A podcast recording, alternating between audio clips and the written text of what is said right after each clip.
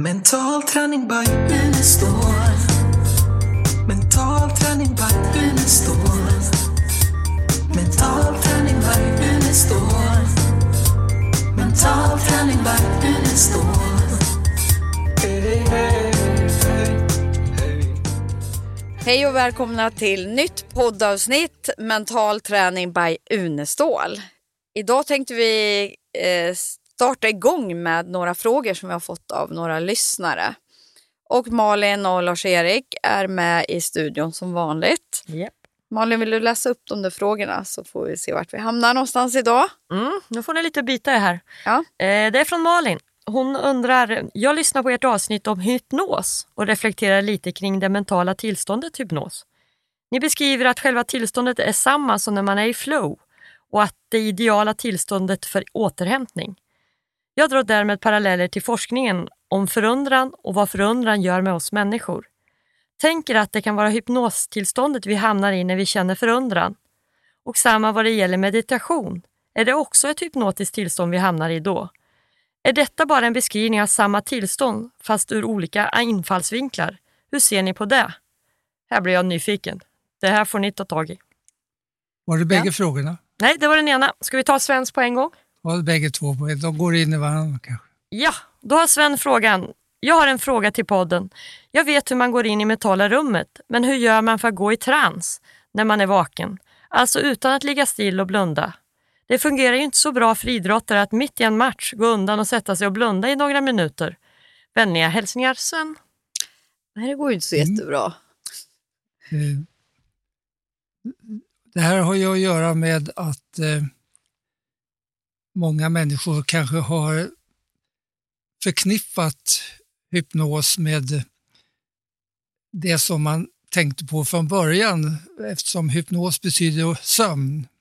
Man tog eh, sömnens gudinna i Grekland som namn på hypnos för några hundra år sedan. Och då tänkte man på att eh, någon som var i hypnos låg med slutna ögon och, och såg ut som om man sov. Nu vet vi att det inte är sömn utan eh, när man tittar på EEG under hypnos så ser man att det är eh, eh ja, nästan vaken EEG. Det är eh, alfaaktivitet, det som är på gränsen mellan sömn och vakenhet. Ibland är det teta som är lite djupare men det har absolut inte sömn. Eh, utan det är ett speciellt tillstånd där man eh, är helt inne i eh, sina tankar eller föreställningar och kopplar bort allting annat. Det kan man ha även om man har ögonen öppna. Och jag tror jag nämnde i samband med att vi talade om eh, hypnos att jag gjorde ett experiment där jag bad en utav eh, eh, eh mina assistenter på universitetet i Uppsala att eh, vi skulle hypnotisera hans fru så han skulle kunna kolla henne under en vecka. Så vi gjorde ett experiment som man inte hade gjort innan. Vi lät en, en person alltså gå i hypnos under en vecka. Under den veckan så betedde hon sig som vanligt. Det vill säga hon sov eh, på sina vanliga stunder och hon var vaken och gjorde det. Hon jobbade och Eh, det vi kunde märka var vissa skillnader, att hon var mer suggestibel, mer påverkbar av både sina egna tankar och de suggestioner som hon fick. Och hon var mer eh, fokuserad, mer eh, bortkopplad från allting annat än det hon koncentrerade sig på. Och Det har ju gjort att vi talar om alert hypnosis på engelska, vakenhypnos. Och eh, jag hade en artikel i en eh, tidskrift för ett år sedan som hette Alert hypnosis och som väckte väldigt stor intresse över hela världen. Och då tog jag exempel just från idrotten som hon tar upp. Eh, när man eh, idrottar och är i hypnos så är det inte så att man ligger med slutna ögon utan man är som vanligt. Det är bara det att man är mer fokuserad, mer koncentrerad på det man gör. kan koppla bort allting annat. Det är lite mer flow vi pratar då. Ja, och det är ju det som vi har i flow så att tittar man på innehållet i flow så kan man se att det är, eh, jag tror att vi gick in på det och talade om att det är ungefär samma saker som händer i flow med perceptionen då, eh, att eh, den förändras och det här med slow motion och så vidare som vi var inne på då. Jag tänker ju att det är samma sak att du, är associ- att du associerar dig in i det du håller på med och är där till 100 procent. Mm. Likaväl så kan man välja att dissociera sig om man skulle vilja det. Men när man, det vi pratar om här och nu som idrottare eller som vi alla behöver egentligen ha tillgång till. Det är att vi har förmågan att träna upp oss så att vi kan vara associerade till 100 procent oavsett vad det är vi ska göra. Och flowet där är väl också att så fort du blir medveten om det så tappar du det. Mm. Ja, visst. Mm. Men där, eh, det här med association, eh, jag tror att vi nämnde i en tidigare podd att du Helena, du är väldigt bra på hypnos och eh, även på självhypnos. Du är också väldigt bra på det här med association. Och vi nämnde om att när du tittar på film så lever du så helt in i filmen att, att du eh, kan skrika och vara väldigt... Eh, det är som du själv tog, tog del i filmen. Ja, men jag är ju med i filmen. Ja, ja, Annars är det inget roligt att Ja. titta på den. Så att man kan säga att det här gör det att, att du går in i ett hypnotiskt tillstånd och då kommer du att påverkas mycket mera av det som du är associerad till. Och det är väl därför som det blir så viktigt att titta på det här med så kallad vakenhypnos. Då. Därför att om människor går in i det väldigt ofta eh, utan att veta att det är så, då kommer man alltså påverkas väldigt mycket av det som man associerar till. Mm. Och eh, är det då negativt så kommer man få mycket mer negativa effekter av de saker som man upplever i det tillståndet.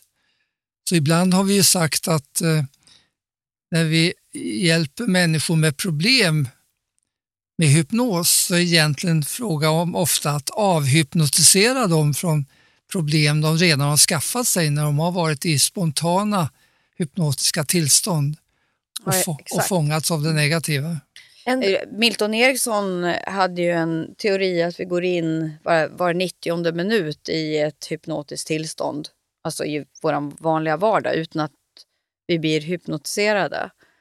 Ja, och, och det är då det andra, det här att vi har spontana hypnotiska tillstånd som uppstår då regelbundet. Och jag tror att han utgick då från det som var vanligt vid den tiden, att man tänkte sig på natten att var 90 minut så går man in i ett drömtillstånd. Mm. Och så tänkte han att eh, det kan ju vara så på dagen också, att det är också ungefär var 90 minut som man går in i ett tillstånd där till exempel inre bilder, precis som i drömmen, får en större betydelse, vilket det har i, i hypnos. Så att, en Men det fråga, du säger, ja, fråga med Helene som jag upplever väldigt tydligt att när Helene har ju sjukt mycket olika uppgifter, du har mycket att göra, men hon är väldigt 100% närvarande i det hon gör och liksom tappar inte energi på andra grejer just när hon gör det. Är det någonting hon har tränat upp? Alltså, för det här är ju väldigt påtagligt tycker jag nu när det varit väldigt mycket. Att du kan verkligen liksom vara så närvarande där och sen är det massa grejer hon måste ta tag i. Men det är precis som att det berör inte just då utan jag är precis närvarande. Det är du ju otrolig på. Är det något hon har tränat in? Tror du Lars-Erik? eh, ja, alltså det här med fokus, eh, att kunna vara fokuserad, den vanliga typen av, av koncentration, det är ju att man blir mer intensivt uppmärksam på ett mindre område. Och när man blir mer uppmärksam på ett mindre område, det betyder att man blir mindre uppmärksam på allting annat utanför det området. Och det är ju det vanliga då, att eh, man blir helt inriktad på en liten sak och alla störningar, allting som finns omkring försvinner. Och där kan man se att just eh, vältränade idrottsmän Jag brukar göra en, en övning eh, och det skulle vara intressant att göra med dig Elena. Jag har inte gjort det med dig. Men det, Va? Jag trodde ni hade gjort skulle- allt. Jag trodde, säkert kunna... Vad har du missat det? Nej, den går ut på att man eh, eh, först får man i uppgift då att räkna bakåt från en siffra, till exempel 302 och drar ifrån 7 hela tiden och se hur långt hinner jag då på en minut. Nästa steg det är att jag gör samma sak från en ny siffra men nu blir jag störd av någon och den andra har i uppgift att störa mig på alla möjliga sätt. Man får inte slå på den personen, men man får skrika och säga och eh, skoja och vad som helst för att dra uppmärksamheten ifrån den här personen. Och så ser man hur långt hinner man då. Då kan man jämföra hur långt hann jag när jag inte var störd, när jag kunde koncentrera mig i lugn och ro och när jag var störd. Då kan man se att nästa, eh, de flesta människor de lyckas ju sämre när de störs. Men det finns en grupp av människor som lyckas bättre när de störs. Och det är elitidrottsmän. Och det tyder på att de har övat upp den här förmågan att kunna vara fokuserad på någonting eh, oavsett vad det är för störningar omkring. Och då blir det så att störningarna blir ofta så att då går de in, in ännu djupare i koncentrationen eh, därför att det är störningar omkring. Så att eh, där där- kan störningar vara en hjälp. Ja. Och jag vet inte om det är så med dig, eller jag har inte gjort den här övningen med dig, men Nej, men jag har ju, alltså jag ser ju att min träning, i, alltså min mentala träning har ju hjälpt mig att eh, gå från att vara oerhört stressad för att ha väldigt mycket att göra till att jag prioriterar, göra en sak i taget och gå in 100% för att göra den. Och då går, bi- går det ju mycket snabbare och jag är mycket mer effektiv. Spara på jag- kroppen med antagligen. Ja, så att det, och det är ju lika även om jag bara ska sitta och svara på mail. Mm. Så då är jag, jag är alltså hundra säker på att jag går in i ett eh, alternativt medvetandetillstånd. Då. För varför skulle jag behöva sitta och spänna mig då och sitta och tänka på massa annat som jag ska göra när jag bara sitter där och kan sitta avspänd och bara svara. Så jag tror att det här, här finns ju så mycket att hämta för oss alla människor i alla inte bara idrottsmän utan i våran vanliga vardag för att spara kraft och energi. Till Det kan man ju grejer. uppleva med Lars-Erik med när vi har åkt till Thailand. När du, du är inte påverkad av jetlag, du är liksom bara, du bara kliver av. Alla andra pratar om att det påverkar och jag är trött och jag är hit och dit och du, du bara Men det är ju ingen av oss, varken Anja eller jag, vi har ju inte, eller Lars-Erik, vi brukar ju inte ha någon jetlag. Varför skulle vi ha det? Det, Nej, men det, det här är så intressant slö, att se. slöseri med tid och det har kraft. lite med, eh, den ena frågan där var om förundran kan nog det. Det är väl lite det där med ja, åt förvåning eller att man fångas av någonting. Eh, om det eh, kan vara ett hypnosliknande tillstånd. Det- Det blir det ju då genom att hypnos utmärks av, alltså en, en populär definition av hypnos det är att man just är fångad helt fångad av mina egna tankar eller de suggestioner som hypnotisören ger. Suggestion, du måste förklara det ordet. sen. Ja, Eller det hypnotisören säger då.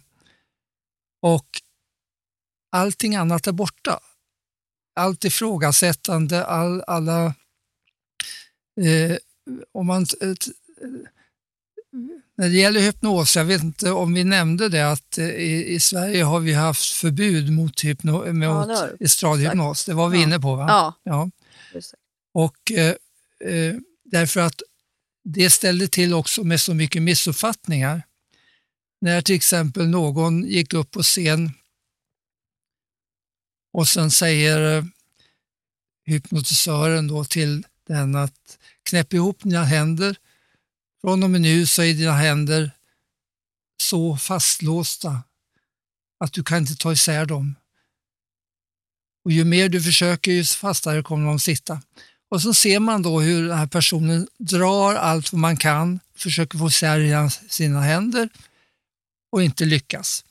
Om man bara ser det utan att veta vad det är som sker, då kommer man ju att tro att det är hypnotisören som har kontroll över den här personen. Kan- få den personen att eh, göra saker som den inte vill. Den vill ta isär sina händer, men den kan inte. I verkligheten så är det istället så att eh, personen vet då inte att all hypnos är en form av självhypnos, utan den, eh, när den upplever då att händerna sitter fast så tror den att det beror på hypnotisörens suggestioner, eller instruktioner eller eh, Istället beror det på att man skapar en egen bild av det hypnotisören säger. Och, eh, men eh, då tror man att det är den andra som har kontrollen.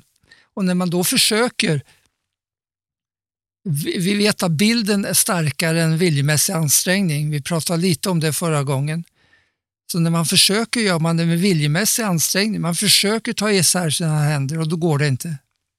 Om man visste att det är bilden, föreställningen som skapar det här, då skulle man bara kunna ändra bilden och se hur händerna glider isär och så glider händerna isär.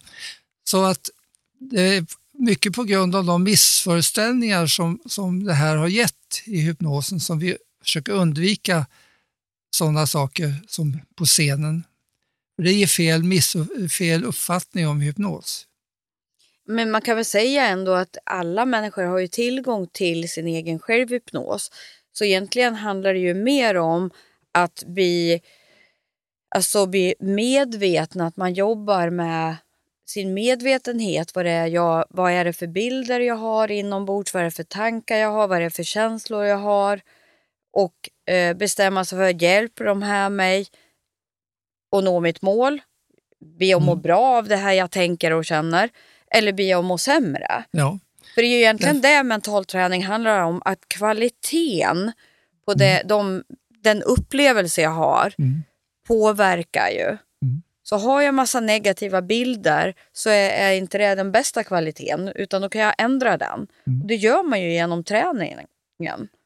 ja visst. Och det, men det gäller att veta hur, hur man gör då. Ja. För att, eh, och det är vi återigen tillbaka till det här som vi talade om förra gången, att den viljemässiga ansträngningen den har betonats genom alla århundraden. Viljan, eh, vad du vill en sak så kan du göra det. Och, eh, Hur viktigt det är att få bort det, för att det snarare skapar stress och Mm. det skapar motsatt effekt som vi sa förra gången.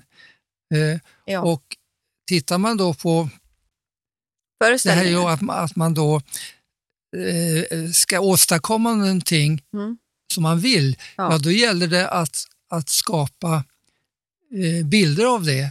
För att bara det att jag vill hjälper inte, utan det gäller att översätta det till, till bilder. Jag gjorde experiment till exempel eh, när jag tittade på självhypnos för att se kan man åstadkomma även saker med självhypnos som man inte vill? Ja, visst. Eh, jag sa till exempel till eh, några försökspersoner att eh, skulle du vilja ha huvudvärk? Nej, naturligtvis inte. Nej, men då vill jag att du ändå går ner i självhypnos och så säger du till dig själv fem minuter efter att jag har vaknat upp så kommer jag få stark huvudvärk. Ja, men det vill jag inte ha. Nej, men jag vill att du säger det till dig i, i självhypnos. Vilket de gjorde. Fem minuter efter de hade slagit upp ögonen så fick de jättestark huvudvärk. Eh, trots att de alltså inte ville det och trots att de försökte kämpa emot. Mm. Det visade sig att det de hade programmerat in själv, det kunde man inte ens få bort med viljan.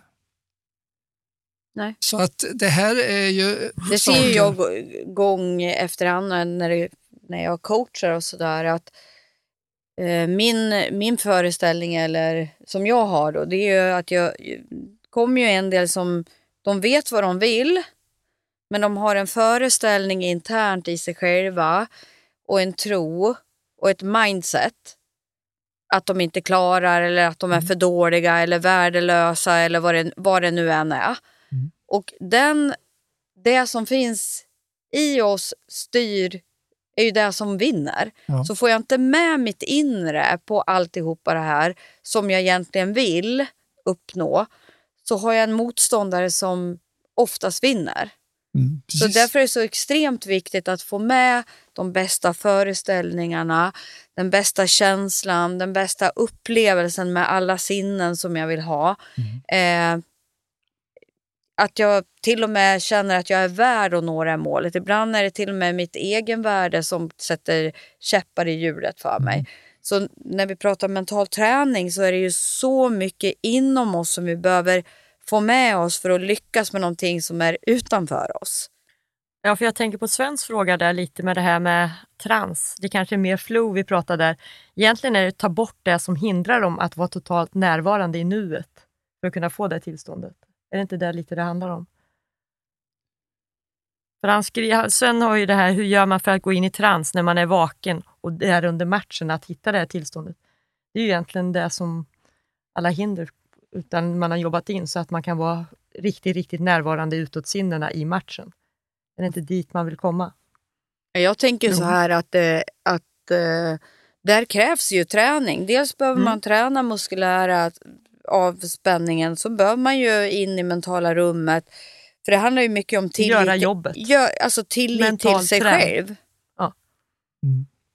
Så har du tillit till dig själv, då behöver du inte börja tänka. Då Nej. är du i nuet och bara gör det, det du har programmerat att du ska göra. Och då har du tagit bort det som kanske har hindrat dig tidigare så att du kan hamna i det här Ja, tillståndet. det lär man ju göra innan matchen är, eller vad det nu är. Om vi säger att det är en fotbollsmatch, så behöver du ha programmerare innan.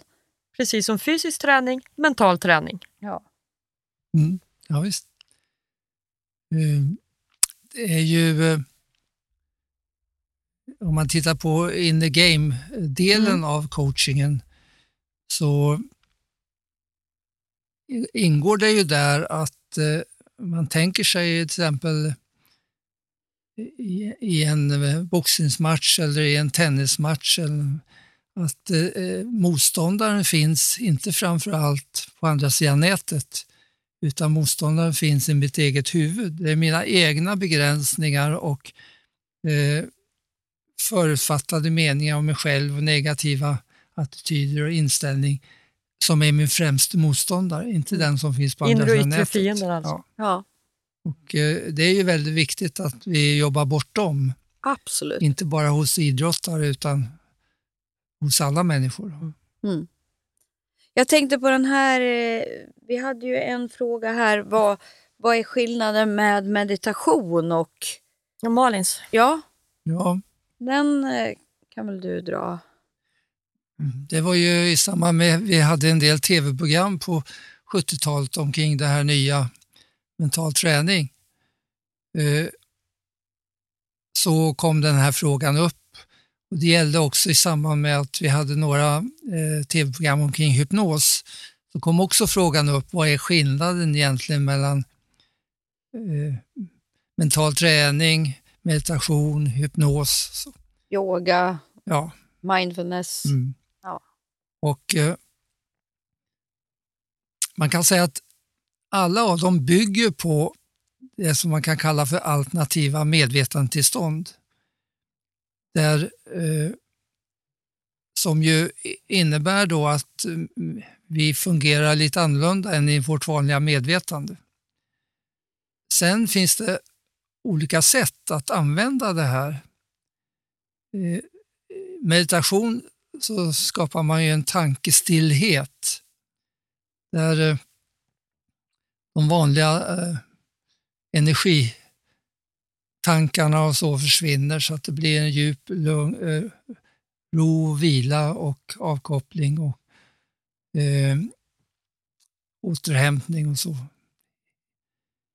Eh, I mental träning så kan man också meditera. Då blir det meditation.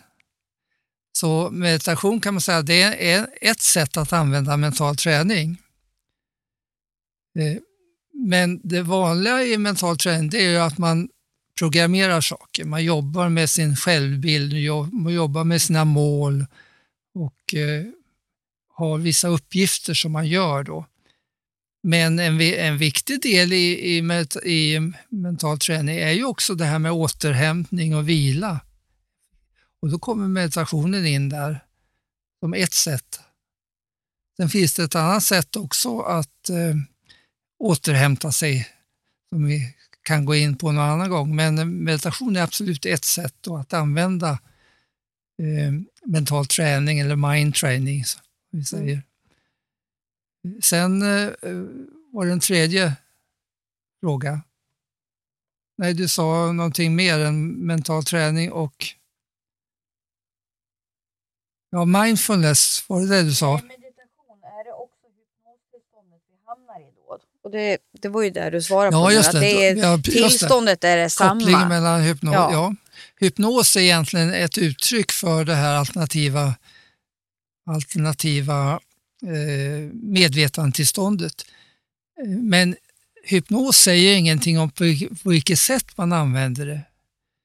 Så därför kan man säga att, att eh, de här, både mental träning och meditation, det är olika sätt att använda det hypnotiska tillståndet.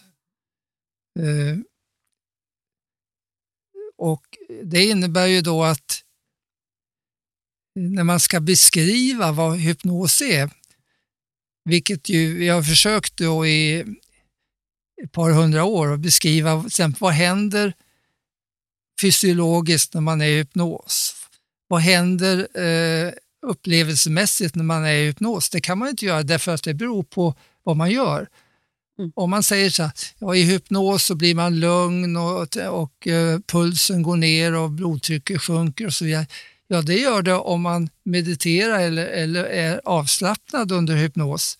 Men om jag under hypnos säger till någon att upplev nu eh, det, eh, det här traumat du upplevde för två, tre år sedan, då kommer man pulsen att stiga upp till max. Mm. Man kommer alltså att få den fysiologiska bild som har att göra med vad man upplever under hypnos, inte av vad hypnosen är. Intressant. Så egentligen har vi bara hittat en sak eh, rent Ja, vi har hittat några saker rent neurofysiologiskt under hypnos. Och det är att hjärnan ändrar sitt... Eh, om jag tar ett experiment jag gjorde i Ryssland då, så kunde jag se när vi under tio år tittade på, på mental träning så gick jag också in och tittade på vad händer i hjärnan i samband med hypnos. Och då, det som var gemensamt det var att hjärnan ändrar karaktär så att eh, man fick, vi fick samma bas-EEG i alla fyra kvadranterna av hjärnan. Och Det innebar att vi började tala om den holistiska hjärnan. Det vill säga att hjärnan börjar jobba som en helhet. I vanliga fall när vi sitter så här så är ju vissa delar av hjärnan mer aktiva än de andra. Vänstersidan till exempel kanske var mer aktiv när man är, pratar och så.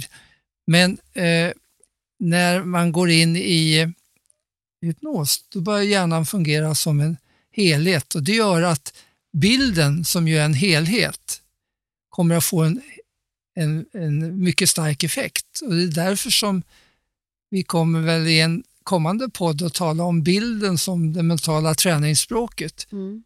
Det är bilden och föreställningen som, som vi använder för att få effekt. Därför att den anknyter till det sättet som hjärnan jobbar när man är i, vilken kraft det hypnos. finns i det såklart. Mm. Mm. Otrolig kraft. Spännande. Det där är ju otroligt spännande. Ja. Mm. Vi, våran tid börjar rulla. Oj, har vi redan pratat? Går det så fort? Ni är så intressanta så Här går det undan. här går det undan. Eh, Vi har inte gått in så mycket på det mentala rummet i sig. Nej, Eh, Det kanske, ska du säga någonting kort om vad det Nej är vi för tar ett helt program om det. Det är rätt Vi gör en mycket liten att prata om. cliffhanger. Jag gör en cliffhanger till nästa gång. Jo, det är ju Gör vi. det är själva grunden för Ja, det vi gör, är ju mentala rummet. Så det kanske vi ska ägna en hel, ja det tycker jag. en Ja, hel det podd till. Ja, absolut. Men eh, vi kan väl eh, be att eh, de som lyssnar eh, fortsätter att skicka in frågor. Ja det är spännande tycker jag. Att Jättespännande. det är ja. eh, Ja, nästan ni s- roligare för oss då. Ja, och vilken kompetens ni sitter på. Det här har jag aldrig hört. kunna få fråga. Delar av det här var ju svara på sjukt frågor. jättespännande. Så ös på hörni som lyssnar och eh, skicka in massor av frågor om allting. Allt. Ja. Allt mellan himmel och jord. Och du, Och då skickar ni då till elene, elene.nu. vi har en ny e-mailadress men den kommer nästa gång för den Vi glömde, glömde jag plocka kolla med. den. Glömde kolla Så den. Elene funkar så igen. länge. Lars-Erik, eh, Ja, stänger vi? Eller vad tycker du? då blir det grundträningen som vi pratar om eh, till nästa gång. Det blir ett spännande avsnitt som är väldigt viktigt i den mentala träningen. Så ha det så bra alla som har lyssnat så hörs vi snart igen. Hej då! Hej då! Ja. Mental träning by Unestål.